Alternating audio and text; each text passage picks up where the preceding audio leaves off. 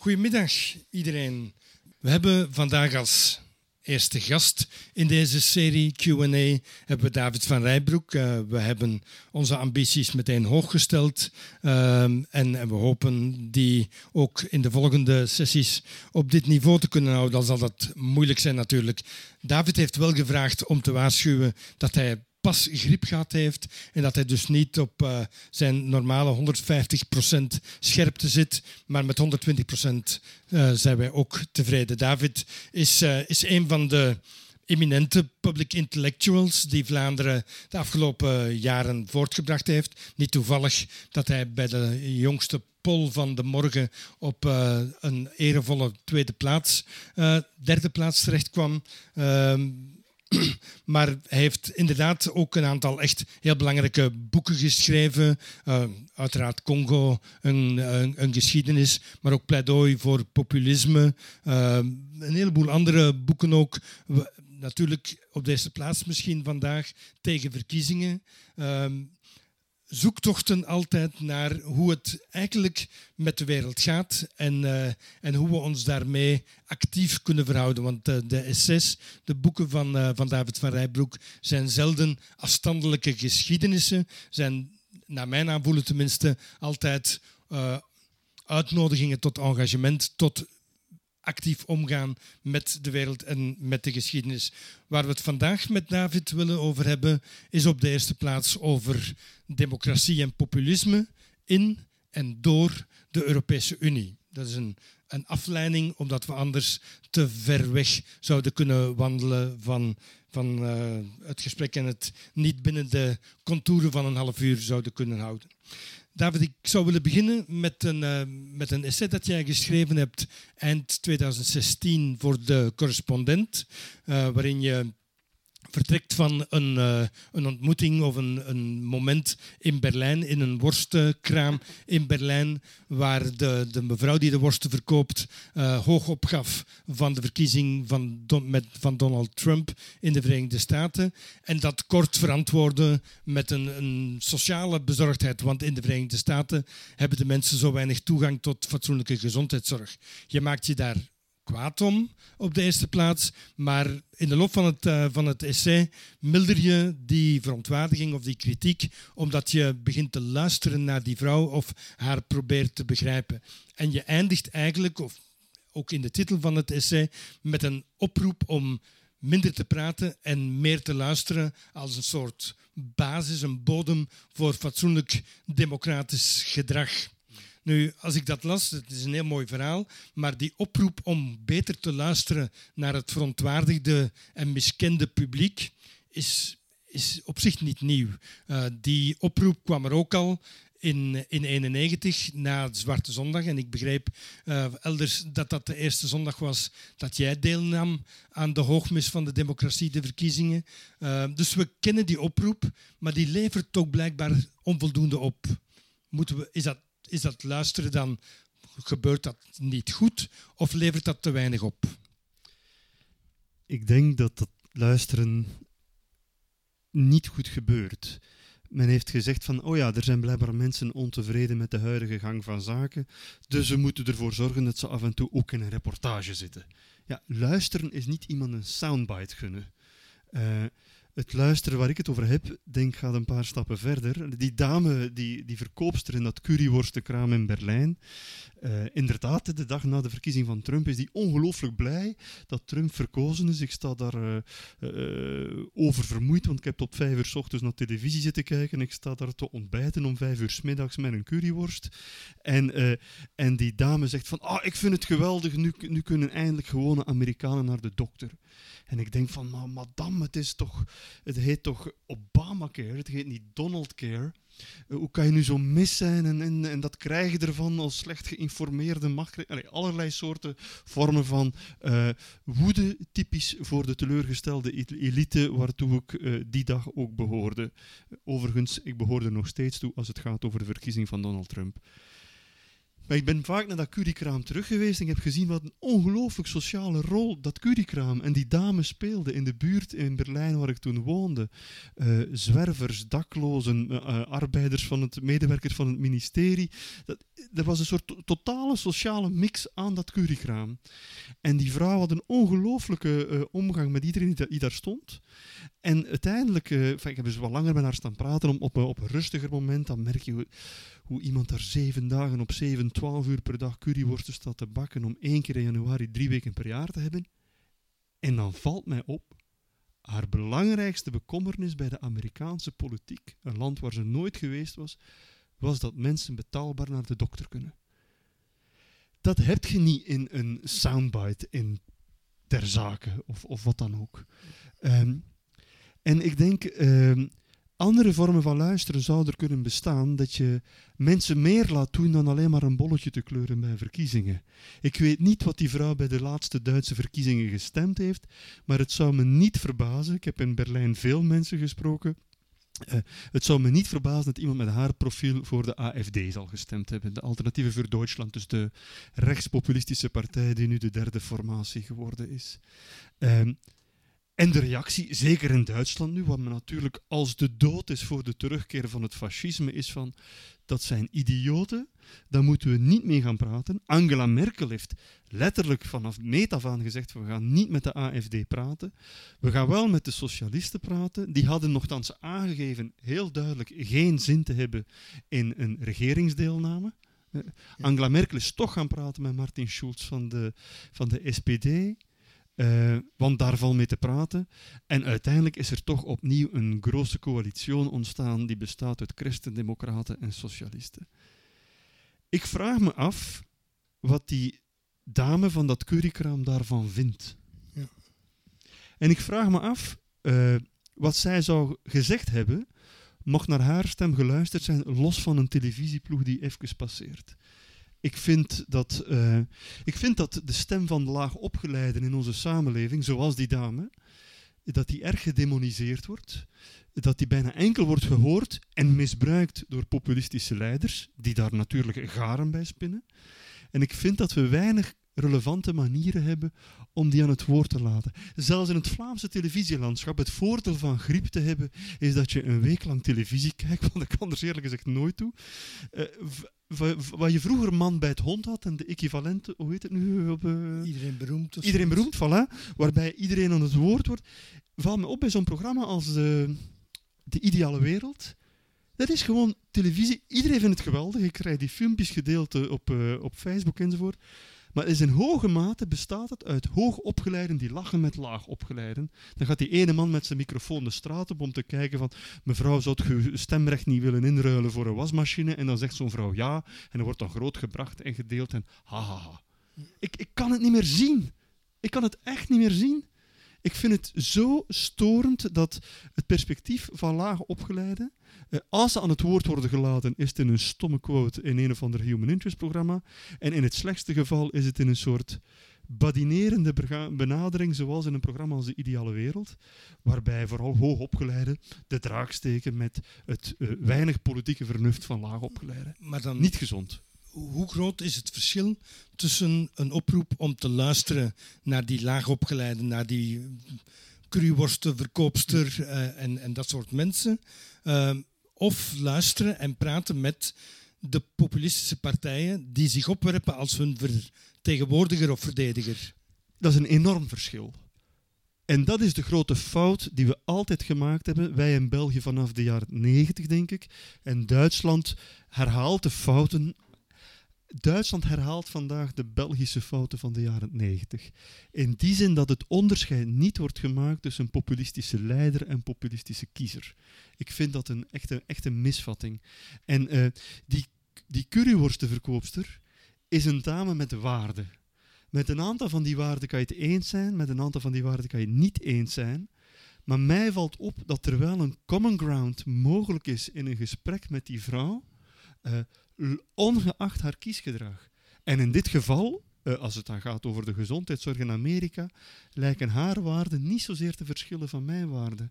Maar waar is de plek waar die vrouw die bezorgdheid en die waarden kan uiten, behalve achter het uh, plastic schuifraampje van Rijn Currykraam. Die plekken bestaan niet. Hè? Er zijn geen plekken waar burgers vandaag in een sfeer van vertrouwen en constructief met elkaar praten en luisteren, meningen uitwisselen met elkaar. Onze democratieën zijn zeer stille democratieën geworden. Wij moeten zwijgen in het stemhokje. Maar leg dat eruit aan, aan, aan, aan, aan, aan leg, dat, leg dat eens uit in, in, een dorp in Congo, waar mensen met dorpsberaad proberen die gemeenschap een beetje bestuurbaar te maken. Dat is geen makkelijke klus in Congo vandaag. Maar leg daar eens uit dat wij op de hoogdag van de democratie moeten zwijgen. Het is onwettig om te praten in het stemhokje. Ik ben ooit assesseur geweest, bijzitter geweest in, in, in Molenbeek. Uh, daar kwamen veel laagopgeleide migranten stemmen.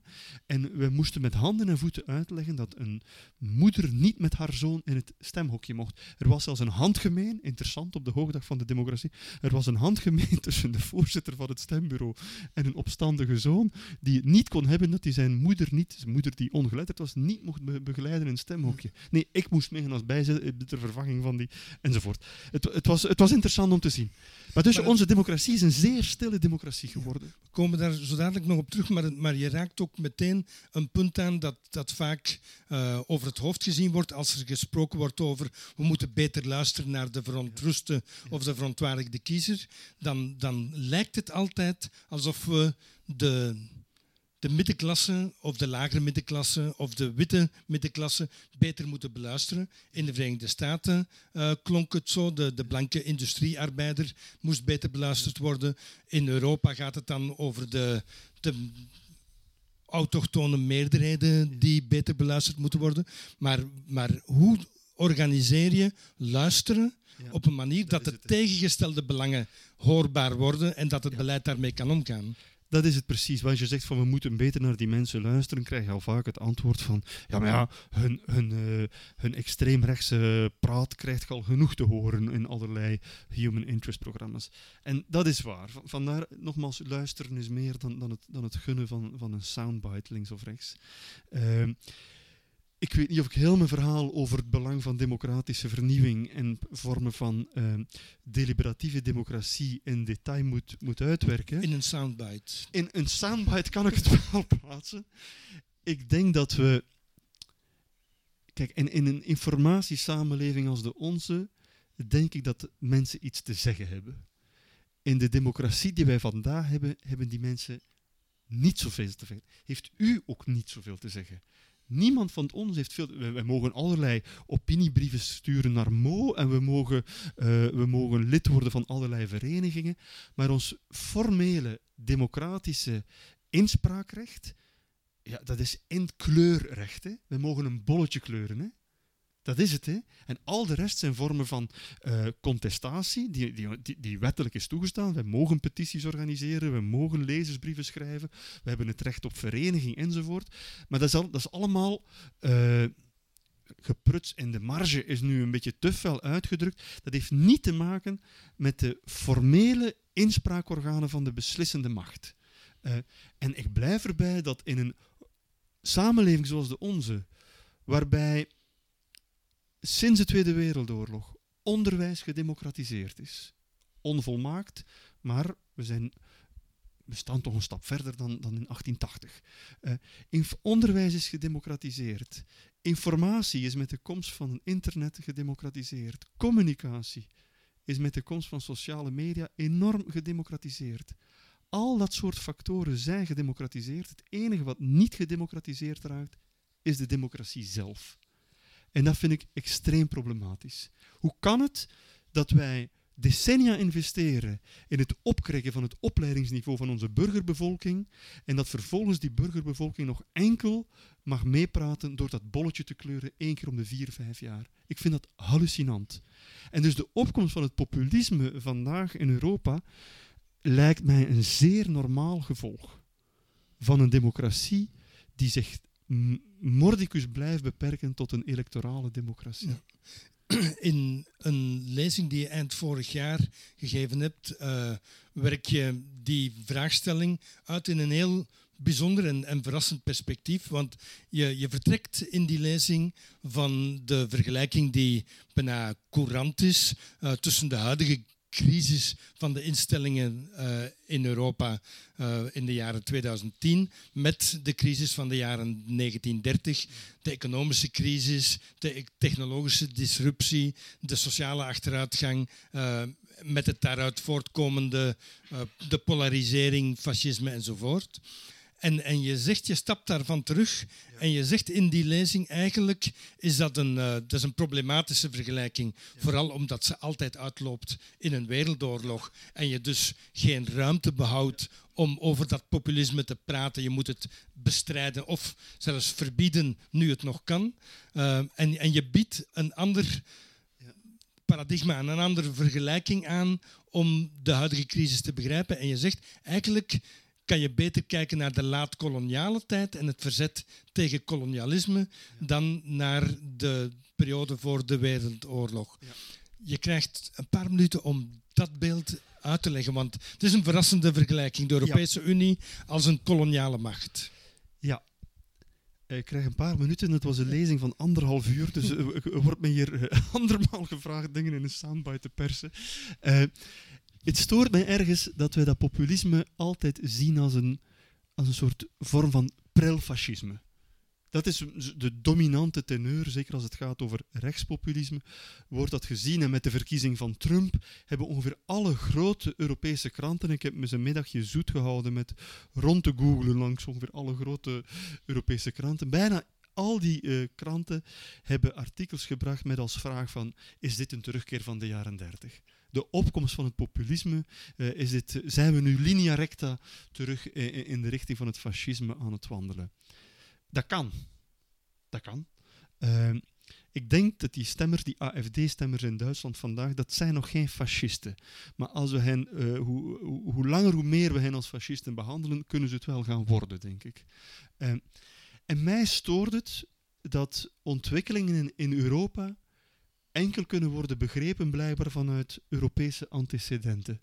Ik vind dat heel merkwaardig, ik vind dat ongelooflijk eurocentrisch, hoe weinig historische kennis er is. Uh, en zoals Frank van Vree, een Nederlandse historicus, ooit zei, van de meeste mensen hebben een historisch bewustzijn wat een totale woestenij is. En in die woestenij zat er één pijler overeind en dat is de Tweede Wereldoorlog. En dat is slecht en dat moeten we vermijden. Dat is ongeveer het enige historische referentiepunt dat heel veel mensen hanteren.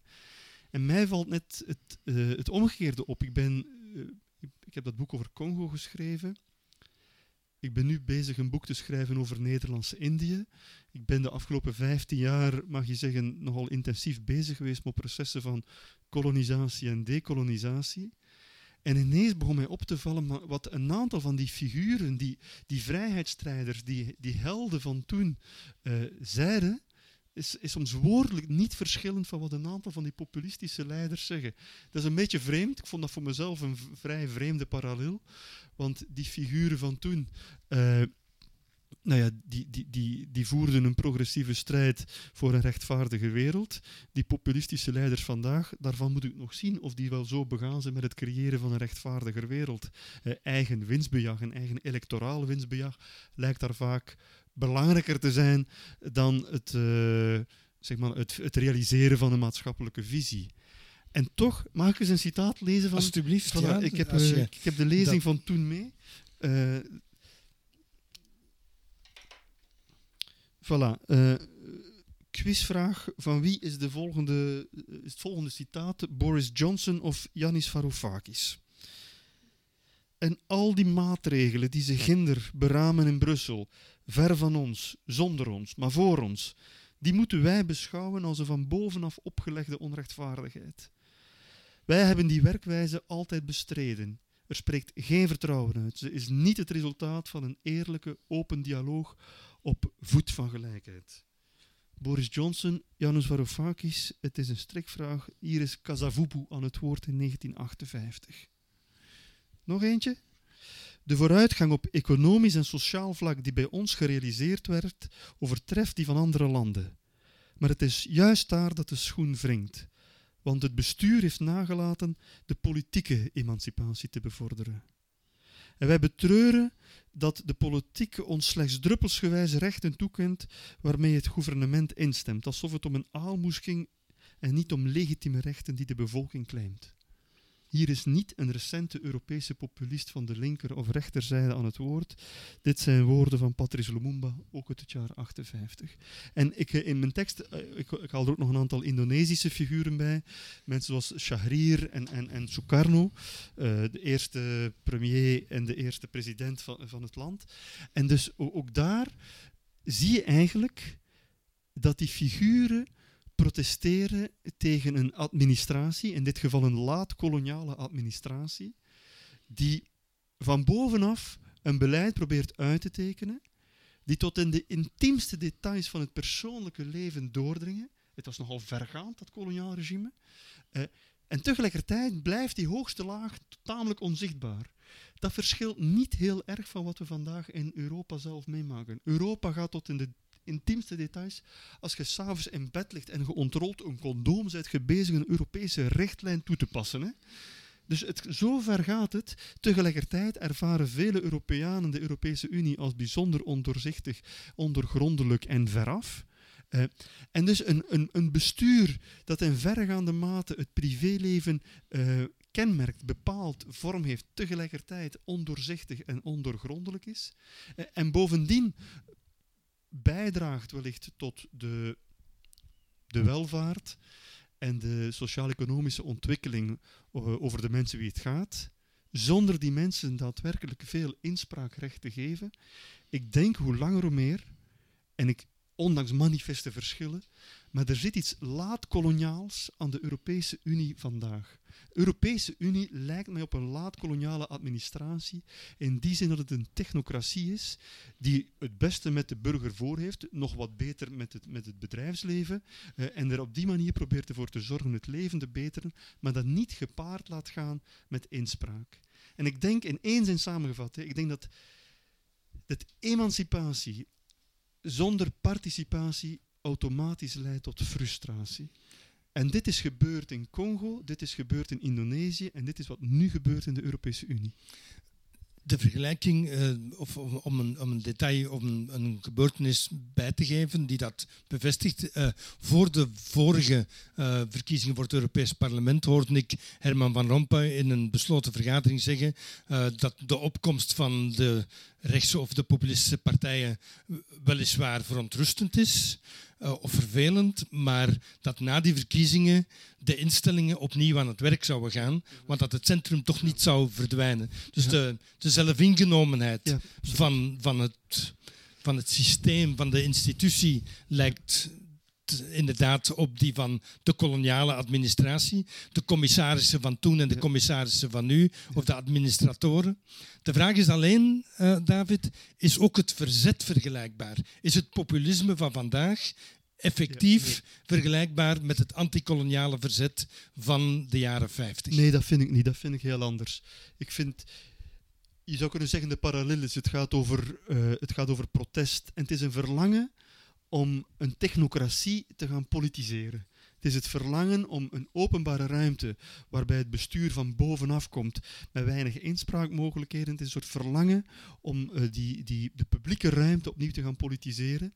Maar de vormen die uh, die pogingen tot politisering aannemen zijn erg verschillend. Dus in die zin, uh, daar houdt de vergelijking op, denk ik. Maar die, de, de, de zelfgenoegzaamheid. Kijk, een Nederlandse administrator zei ergens eind de jaren 30: Ja, mannekes, uh, we zijn hier 350 jaar, we blijven hier nog 350 jaar. Hè. Tien jaar later was het gedaan. Eh, in, toen in 1955 Jeff van Bilze als eerste Belg zei van dat we moeten de dekolonisatie van Congo voorbereiden. En ik denk dat tegen 1985 dat we er klaar voor zijn, werd hij voor gek verklaard. Vijf jaar later was Congo onafhankelijk. Ik denk, het, ik ben verbijsterd, Guy. Ik ben verbijsterd als ik zie hoe weinig mensen aan de top van de Europese Unie lijken te beseffen dat het binnen hier en een paar jaar wel eens kan voorbij zijn met heel de Europese Unie. En ik ben verbijsterd dat zich zo weinig mensen daar zorgen over maken. Het kan. Het, we, hebben, we zijn net langs de afgrond gewandeld. In 2017 had het voorbij kunnen zijn. Had Marine Le Pen de Franse verkiezingen gewonnen. Had Wilders de Nederlandse verkiezingen gewonnen. Het was voorbij. Oké, we hebben nu al de Brexit gehad. Dat is een, een, een deel van de Europese Unie die, die, uh, die aan het afkalven is. Uh, maar het, het kan zomaar eens voorbij zijn. En dat had men ook niet door in de koloniale context. Omdat men weigert te zien dat, alleen maar wij zijn toch goed voor de mensen? Ja, en wel ja, luister eens. Guy Verhofstadt is vandaag steun aan het zoeken om een democratische conventie in België te organiseren. Dus je weet dat Macron heeft opgeroepen om uh, overal democratische conventies over Europa te gaan organiseren. Ik vind dat een goed idee. De uitwerking daarvan vind ik erg zwak op dit ogenblik. En voor België zou Guy Verhofstadt het voortouw willen nemen, uh, samen met een aantal pro-Europese partijen en pro-Europese verenigingen. En uh, ik heb er een nota van gezien. Het zou moeten gaan in samenwerking met de Standaard en Le Soir. Maar daar word je toch gewoon kwaad van? Wat opnieuw zullen de kranten van de hoogopgeleiden, samen met degenen die overtuigd zijn van het, wel van de Europese Unie, uh, eens een paar middagjes samenkomen om, om wat te neuten over de Europese waarden. En dan hebben wij ons werk gedaan en heeft Verhofstadt een goed contact met Emmanuel Macron verkregen. Ik vind het verschrikkelijk. Ik wil met lezers van La Dernière Heure samen zitten. Jij, jij noemt in, uh, in een stuk in Politico, noem jij die voorstellen van Macron en, en van Verhofstadt elitair. En, ja, en, en, eigenlijk ook uh, voorbijgestreefd, omdat er qua democratische innovatie ja. echt wel nieuwe dingen op tafel liggen. En je, en je zei daar straks al, we moeten een gesprek mogelijk maken in plaats van onze stem af te geven eigenlijk. Ja. Maar hoe doe je dat op Europees niveau? Want het Europese niveau is ook een heel erg groot niveau ja. met, met alle vormen van ja. diversiteit en ongelijkheid die je kan bedenken daarin. Je kan verschillende vormen aannemen en het hoeft niet eens in elke Europese lidstaat op dezelfde manier te, ge, te geschieden. Het idee van Macron om in de, elk van de lidstaten democratische conventies te houden en de formule die gehanteerd wordt mag zelfs variëren, ik vind dat goed. Um, maar ik wil, als wij iets in België doen, georganiseerd door Verhofstadt of, of wie dan ook, ik wil dat onze curryworstenverkoper uit de Andenne, dat zij erbij zit. Ook al heeft ze nog nooit in haar leven een exemplaar van Le Soir in handen gehad en, uh, en heeft ze geen enkele sympathie voor Guy Verhofstadt. Snap je? En ik denk, uh, ik denk daar opnieuw, ik, ik, vrees in herhaling te vallen, maar de, de gedachte van, van loting blijft mij zeer dierbaar, omdat dat een manier is waarop je mensen, omdat je een eerlijke afspiegeling van de samenleving krijgt. Stel dat je 500 Belgen zou samenbrengen gedurende drie weekends om te praten over de toekomst van de Europese Unie.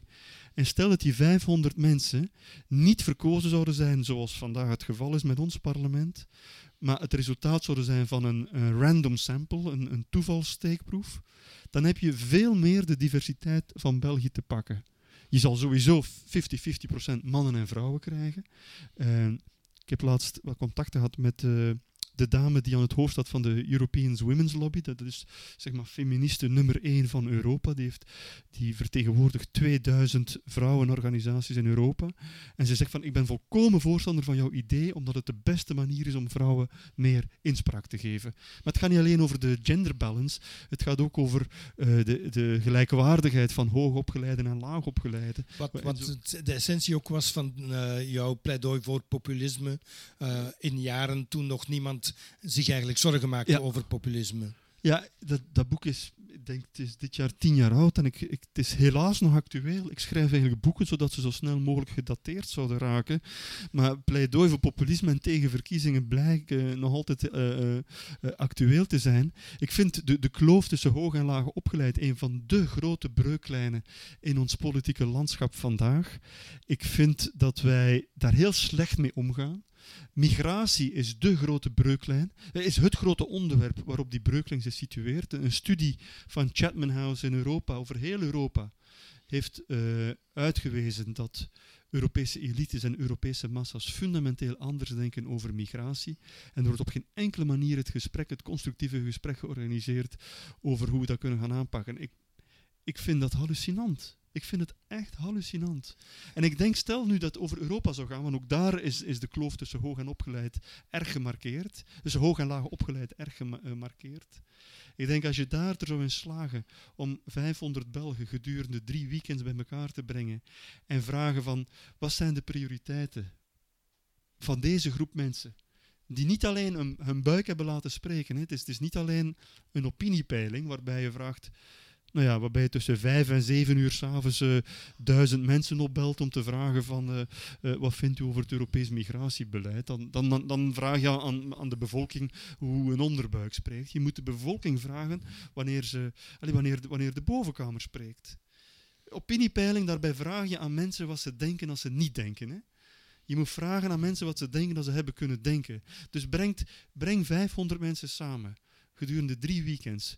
Uh, vragen in een eerste weekend van, nou ja, uh, hoe verhoudt u zich ten opzichte van de Europese Unie? Wat zijn volgens u de problemen? Waar ligt u wakker van? Gewoon ga naar wat, wat mensen beleven het gesprek met de curryworstenverkoper. Hè? Dat is de, eh, een eerste. En, en, en dat zeg jij ook uh, onderbouwen met, met kennis en vorming. Dus die, die geloten groep of die samengebrachte groep, die moet de mogelijkheid krijgen om, uh, om experts te vragen van verschillende uh, origine om geïnformeerd te worden en op die manier op een, op een onderbouwde manier samen verder te kunnen kijken en beslissingen te nemen of keuzes te maken. In Zuid-Australië moest de keuze gemaakt worden. Uh, Zuid-Australië is voornamelijk woestijn, weinig economische troeven. En de overheid was van plan van ja, die woestijn heeft één grote economische troef. Niemand komt er. Zullen wij de wereldopslag worden voor nucleair afval? Het zal ons miljoenen garanderen voor decennia ver. Uh, maar men besefte dat het te moeilijk was om partijpolitiek door te, die knoop door te hakken. Men besefte ook dat een referendum geen geschikte manier zou zijn, omdat het de gemeenschap zou splijten. En toen hebben ze gezegd, we gaan 300 mensen samenbrengen gedurende een aantal weekends. 300 mensen, die mogen geen experten, hè? geen geologen, geen activisten, wat dan ook. Gewoon een random sample van 300 Zuid-Australiërs. En die hebben mogen beslissen welke experten hebben wij nodig om dit vraagstuk te kunnen behandelen. En die hebben experten gekozen, experten zijn, uh, zijn gekomen, hebben input gegeven, de burgers zijn met elkaar blijven praten, hebben ook met politici gesproken, hebben uiteindelijk in een derde weekend besloten van we moeten dit niet doen. En dit wordt nu praktijk, dit wordt nu in de praktijk gebracht. Stel dat wij zoiets zouden doen over de toekomst van de Europese Unie, en ik denk omdat het over zoiets belangrijks gaat, zou je er nog een vervolg kunnen aanbreien. Stel dat die groep van 500 burgers zou zeggen van, dit zijn voor ons, na drie, weken, drie weekends beraadslaging, na experten gehoord te hebben, na informatie ingewonnen te hebben, dit zijn onze 20 belangrijkste punten. En vervolgens gaan wij, België, met de Europese verkiezingen van mei 2019, gaan wij in het stemhokje niet alleen de brief krijgen met op wie je mag stemmen voor het Europees Parlement, maar krijg je ook nog eens die lijst van 20 punten die uit die burgerberaadslaging is gekomen. Nou, dan heb je voor het eerst een echt slim referendum. Referenda zijn interessant, maar we doen ze altijd zo dom. En het domme is dat het altijd een ja-nee-vraag is. Maar je kan een referendum slim maken door er een multiple choice referendum van te maken. Je krijgt twintig stellingen die die groep van 500 burgers heeft opgesteld over de toekomst van de Europese Unie. En bij elk van de stellingen kan je aangeven of je het er helemaal mee eens bent, helemaal oneens of een aantal gradaties daartussen. En op het einde kan je nog eens zeggen van die twintig vind ik deze drie het allerbelangrijkste. We hebben dit al. En we gebruiken het ook slecht. Dit heet bij ons de stemwijzer of het kieskompas, of wat is de term die wij daarvoor gebruiken. En het rare is, wij hebben dit, het is een zeer interessant instrument, en we gebruiken het alleen om te weten over welk bolletje vervolgens naast wiens naam je moet kleuren. Het is absurd. Het zou veel interessanter zijn om de resultaten van dat kieskompas te kennen. Van wat, wat hebben mensen inhoudelijk nou eigenlijk gezegd? Uh, en ik denk van, uh, mochten we nu een combinatie hebben van verkiezingen, Europese verkiezingen, gecombineerd met loting, die 500 mensen die een lijst van 20 punten zetten, en ten derde een multiple choice referendum, waarbij de totaliteit van de Belgische bevolking kan aangeven van van deze 20 punten vinden wij dit de belangrijkste, dan hebben we geen verdeelde samenleving over waar het heen moet met Europa, maar hebben we een lijst van gedeelde prioriteiten die de agenda kan zijn voor de komende vijf jaar. Waarom doen we dat niet? Die methodes bestaan, ze zijn niet moeilijk. En, en is dat ook een manier om dat gevoel van koloniale bezetting uh, tegen te gaan en, en tegelijkertijd een, uh, een gevoel van gemeenschappelijk uh, belang, Europese identiteit te creëren? Dat tweede niet. Het, moet, het hoeft niet per se gaan om het creëren van een Europese identiteit, maar het dient wel te gaan om mensen zich opnieuw zeg maar, de eigenaren van hun lot te gaan beschouwen. In een democratie is toch een beetje de essentie van de democratie, zijn het de burgers die beslissen waar het heen gaat. Dat is gewoon niet meer het geval. Dat is in België niet meer het geval, omdat heel veel macht Europees is gegaan. En het is in Europa niet het geval, omdat heel veel van die macht technocratisch is geworden. En de crisis van de afgelopen jaar hebben die Europese Unie nog technocratischer gemaakt. De euro moest ineens gered worden in nachtelijke spoedvergaderingen. De migratiecrisis moest ineens via allerlei vormen van paniekvoetbal opgelost worden. Dus die Europese Unie is politieker en politieker geworden. Die is machtiger en machtiger geworden. Het gaat echt niet meer alleen over de kromming van bananen en uh, en de EU-dimensies uh, van, condooms, bij wijze van spreken. Uh, het gaat inmiddels over een heel aantal zeer politieke keuzes die totaal niet politiek gemaakt worden, die totaal niet maatschappelijk gemaakt worden. Herman van Rompuy zegt, als mensen de Europese Unie niet democratisch genoeg vinden, dan moet ik eens lachen. Heeft hij letterlijk gezegd in de Standaard Weekblad een paar jaar geleden. Want hij heeft die euro moeten redden in die nachtelijke vergaderingen. En een aantal van die Europese premiers hebben zo ver uh, hun nek moeten uitsteken dat ze vervolgens een politieke carrière voorbij was. Ja, dat is waar. Voor hen was het inderdaad een, een democratisch gevolg van dat overleg. Maar voor de doorsnee burger is er toch geen enkel besef dat wat er op Europees niveau gebeurt daadwerkelijk het gevolg is van zijn inspraak. Ja, wij kiezen een Europees parlement, het minst machtige van die Europese instellingen. Ik vind, wel, dit soort processen waarbij je mensen daadwerkelijk betrekt, zelfs op nationaal niveau, bij de toekomst van de Europese Unie, lijkt mij ongelooflijk van belang. Niet alleen voor die 500 die hebben mogen meedoen, maar ook voor al die miljoenen die in dat multiple choice referendum een keuze hebben mogen aangeven. Die keuze hebben ze nu nog nooit gehad. Ja. Europa voltrekt zich volkomen boven hun hoofden. Een slotvraag, uh, David. We kunnen hier nog lang over doorgaan, maar we moeten afronden. Um, je, je, bent 15 jaar bezig, zeg je, met koloniale geschiedenis of, en, en de decolonisering van de kolonies. Als er nu één ding is dat wij uh, zouden moeten leren uit die geschiedenis ja. voor onze omgang met de Europese Unie van vandaag en morgen. Wat is dat dan? In, een concrete zaak die we daaruit zouden kunnen wegnemen of meenemen? Ik denk wat we echt kunnen leren uit die koloniale geschiedenissen, dat is één principe: mogen meetellen. Burgers worden kwaad als ze niet mogen meetellen, als ze enkel onderdanen zijn. Europa heeft geen burgers, hè? Europa heeft inboorlingen. En ik denk de frustratie over het feit dat die burgers niet als volwaardige burgers worden gezien. Wat de stappen die nu worden gezet zijn van, ja, we moeten Europa beter gaan uitleggen aan de burgers. Dat is ongeveer hoe ver we nu zijn. Hè? Ik vind het hallucinant. Ik vind het al, men lijkt nog altijd te denken dat Europa iets is wat boven de burger staat, wat het goed voor heeft met de burger.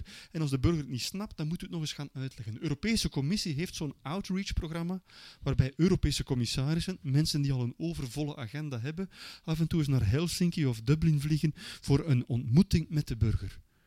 En het is dan op de, je kan het zien op de website, het is first come, first serve. Dus degenen die zich aanmelden, mogen binnen. Ik denk niet dat die curryworstenverkoper er zal bij zitten in de zaal. En ik denk ook niet dat ze een vraag zal stellen. Terwijl het gaat om haar ongenoegen. Het gaat om haar vragen. Het gaat om haar waarde. Ik ben geïnteresseerd in haar waarde over Europa. Die vrouw heeft geen enkele manier om te spreken binnen Europa. Het gaat uiteindelijk om waardigheid. Waardigheid, zij mag niet meetellen. Zij telt niet mee. Veel succes.